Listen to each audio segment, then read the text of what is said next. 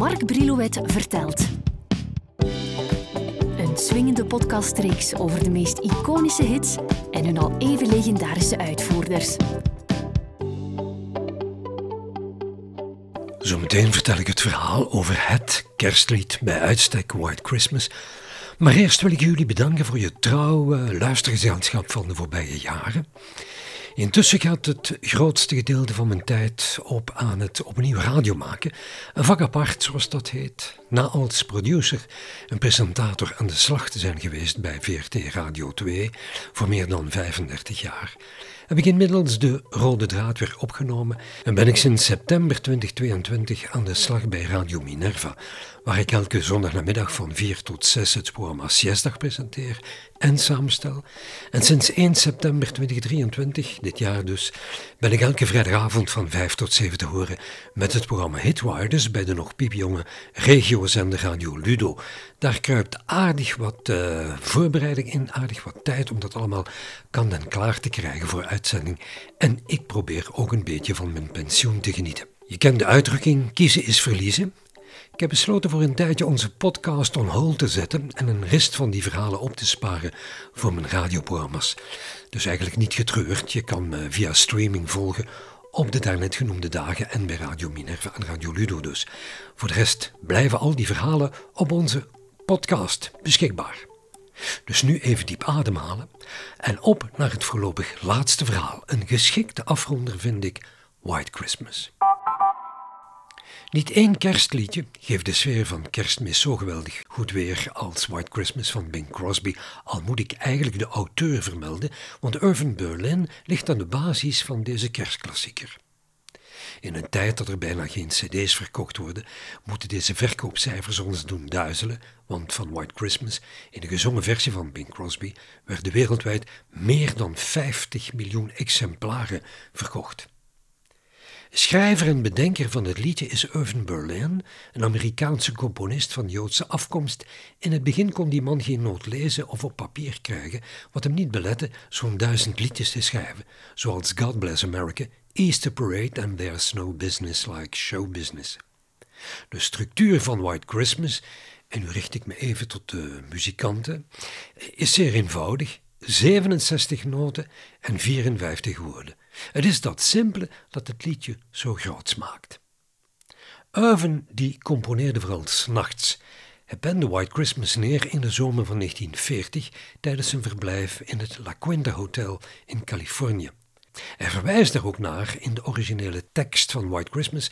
Let even op: The sun is shining, the grass is green, the orange and palm trees sway. There's never been such a day in Beverly Hills, LA. But it's December the 24th, and I am longing to be up north. I'm dreaming of White Christmas, just like the one as I used to know. Die versie nam Barbara Streisand op voor haar LP A Christmas Album, dat de 16 oktober 67 op het Columbia label verscheen in een productie van Jack Gold en dat ze het jaar voordien deels had opgenomen in de Olympia Sound Studio in Londen. Het werd een van de best verkochte kerstalbums in de USA. The sun is shining, the grass is green, the orange and palm trees sway. There's never been such a day in Beverly Hills, LA. But it's December the 24th, and I am longing to be up north.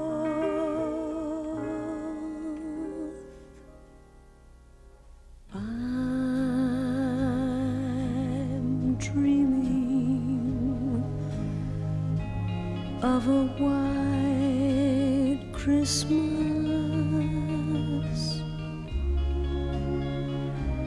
just like the ones I used to know.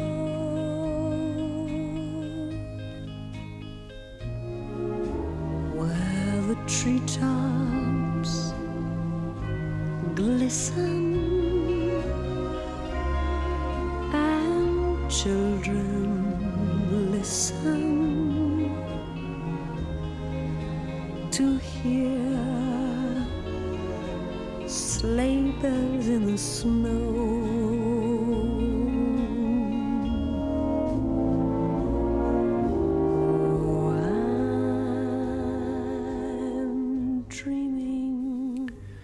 Kinderen van Berlin vertelden in een interview dat kerstvieren bij hen thuis erg belangrijk was, met voorop de traditionele dingen zoals een heuse kerstboom, de kerstman, dito cadeautjes, de pluimpudding, de kalkoen en vooral veel, veel, veel familie. De familie Berlin woonde in een eh, New Yorkse residentie die later dienst zal doen als het consulaat van eh, Luxemburg. Berlin die had al een ruwe versie klaar van White Christmas. Hij had die in zijn schuif opgeborgen. Nu, in 1935, toen Fred Astaire bezig was met de opname van de film Top Hat, had Berlin hem dit al voorgezongen, maar regisseur Mark Sandridge zag er niets in en dus werd het aan de kant geschoven. Jaren later, wanneer Berlin bezig is met het schrijven van de soundtrack voor de film Holiday Inn met Fred Astaire en Bing Crosby, diept hij die uh, tekst en die ruwe noten opnieuw op en begint aan de afwerking, waarna hij tegen de secretaresse van dienst bij zijn uitgever zegt: I've just written a new song. Not only the best song I've ever written, it's the best song anybody's written. Bing Crosby kreeg het nummer White Christmas snel in handen en zong het voor de eerste keer live tijdens een radioshow op kerstdag 1941, amper 18 dagen na de aanval door de Japanners op Pearl Harbor. De 29 mei 1942 trekt hij samen met het orkest van John Scott Trotter en de Ken Darby Singers naar de Decca Studio om daar in nog geen 18 minuten tijd het nummer op te nemen. Hij laat wel qua tekst de intro weg, de intro die Barbara Streisand daarnet wel zong. De 30 juli wordt het op 78 toeren uitgebracht en kan het publiek Crosby White Christmas horen zingen in de film Holiday Inn.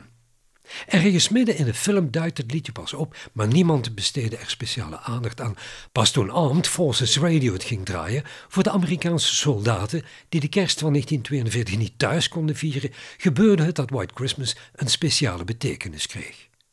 De 3 oktober van dat jaar had het nummer al op één gestaan in Your Hit Parade. Elf weken lang zal Crosby daar op één blijven staan.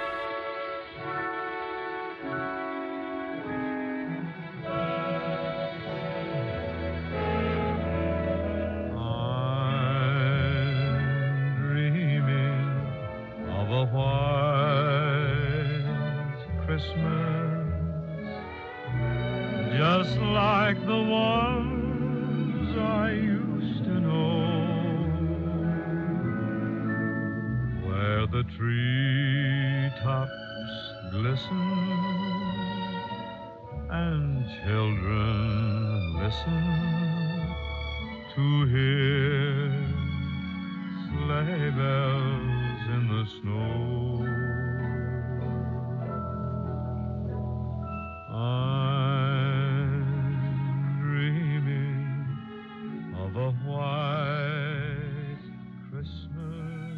Nadien zal Decca met kerst het nummer nog twee keer op single uitbrengen en telkens stond het opnieuw op de eerste plaats, zowel in 45 als in 46. We moeten wel onthouden dat de versie zoals we die nu kennen niet de versie is zoals Crosby die in de Holiday inzong, want daar bracht hij het als een duet samen met Marjorie Reynolds. Echt kwelen deed hij niet, want er werd eigenlijk gezongen door Martha Mears. Samen met het orkest van John Scott Trotter en de Derby Singers zong Bing de 18e maart 1947 een nieuwe versie in. Om het wat meer kleur te geven en het liedje iets meer te laten glitteren en schitteren, werden er deze keer een celesta en enkele fluiten aan toegevoegd. I, I just can't take any bows for this next song. Really, a, a jackdaw with a cleft palate could have sung it successfully. You gotta give full credit to its composer, Mr. Irving Berlin.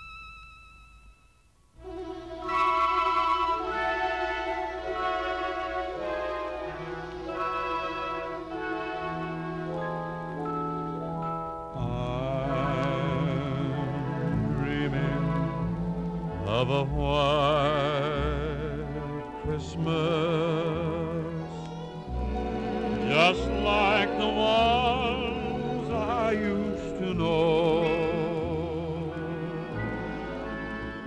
where the tree treetops glisten and children listen to hear sleigh bells in the snow.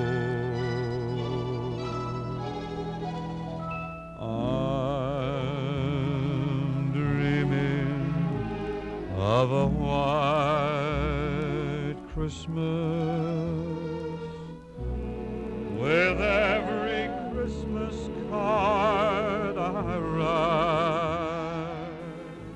In 1954 duikt het liedje opnieuw op in een film, deze keer in White Christmas van regisseur Michael Curtis, met in de hoofdrollen Danny Kaye, Bing Crosby en Rosemary Clooney. Ook deze keer schrijft Irvin Berlin de soundtrack met naast White Christmas het al even prachtige Blue Skies dat Bing in de film zingt samen met Danny Kaye. Nothing but blue smiling at me, smiling at me. Nothing but blue skies, blue skies do I see. Hey, bluebird, singing a song. Nothing but bluebirds, bluebirds all day long. I never saw the sunshine so bright, never saw things going so right. Noticing the days hurrying by when you're in love, my, my, how they fly. Oh, blue days, all of them gone, long gone. Nothing but blue skies from now Het aantal coverversies van White Christmas is niet te tellen. Uh, zal ik eens even op mijn lijstje kijken. Freddie Martin en His Orchestra, Joe Stafford, Perry Como, The Ravens, Eddie Fisher, The Drifters, Elvis Presley, The Supremes, Dean Martin, ben er nog niet hoor, The Partridge Family, Garth Brooks, Linda Ronstadt, Betty Midler, Dionne Warwick, Neil Sedaka, Boy George, Andrea Bocelli, Michael Bublé enzovoort. De 30 november 1963 stond Andy Williams nog eens met zijn versie op 1 in Billboard's Hot 100. I'm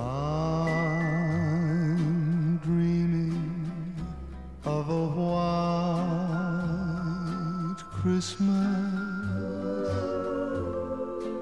just like the ones I used to know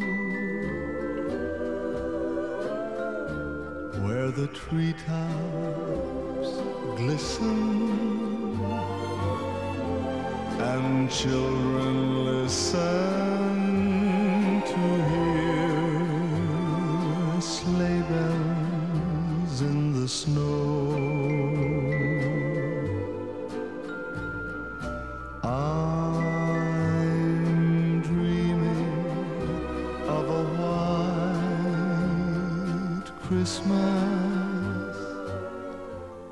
Om dit verhaal enigszins een Vlaamse touch te geven, een witte kerstversie van bij.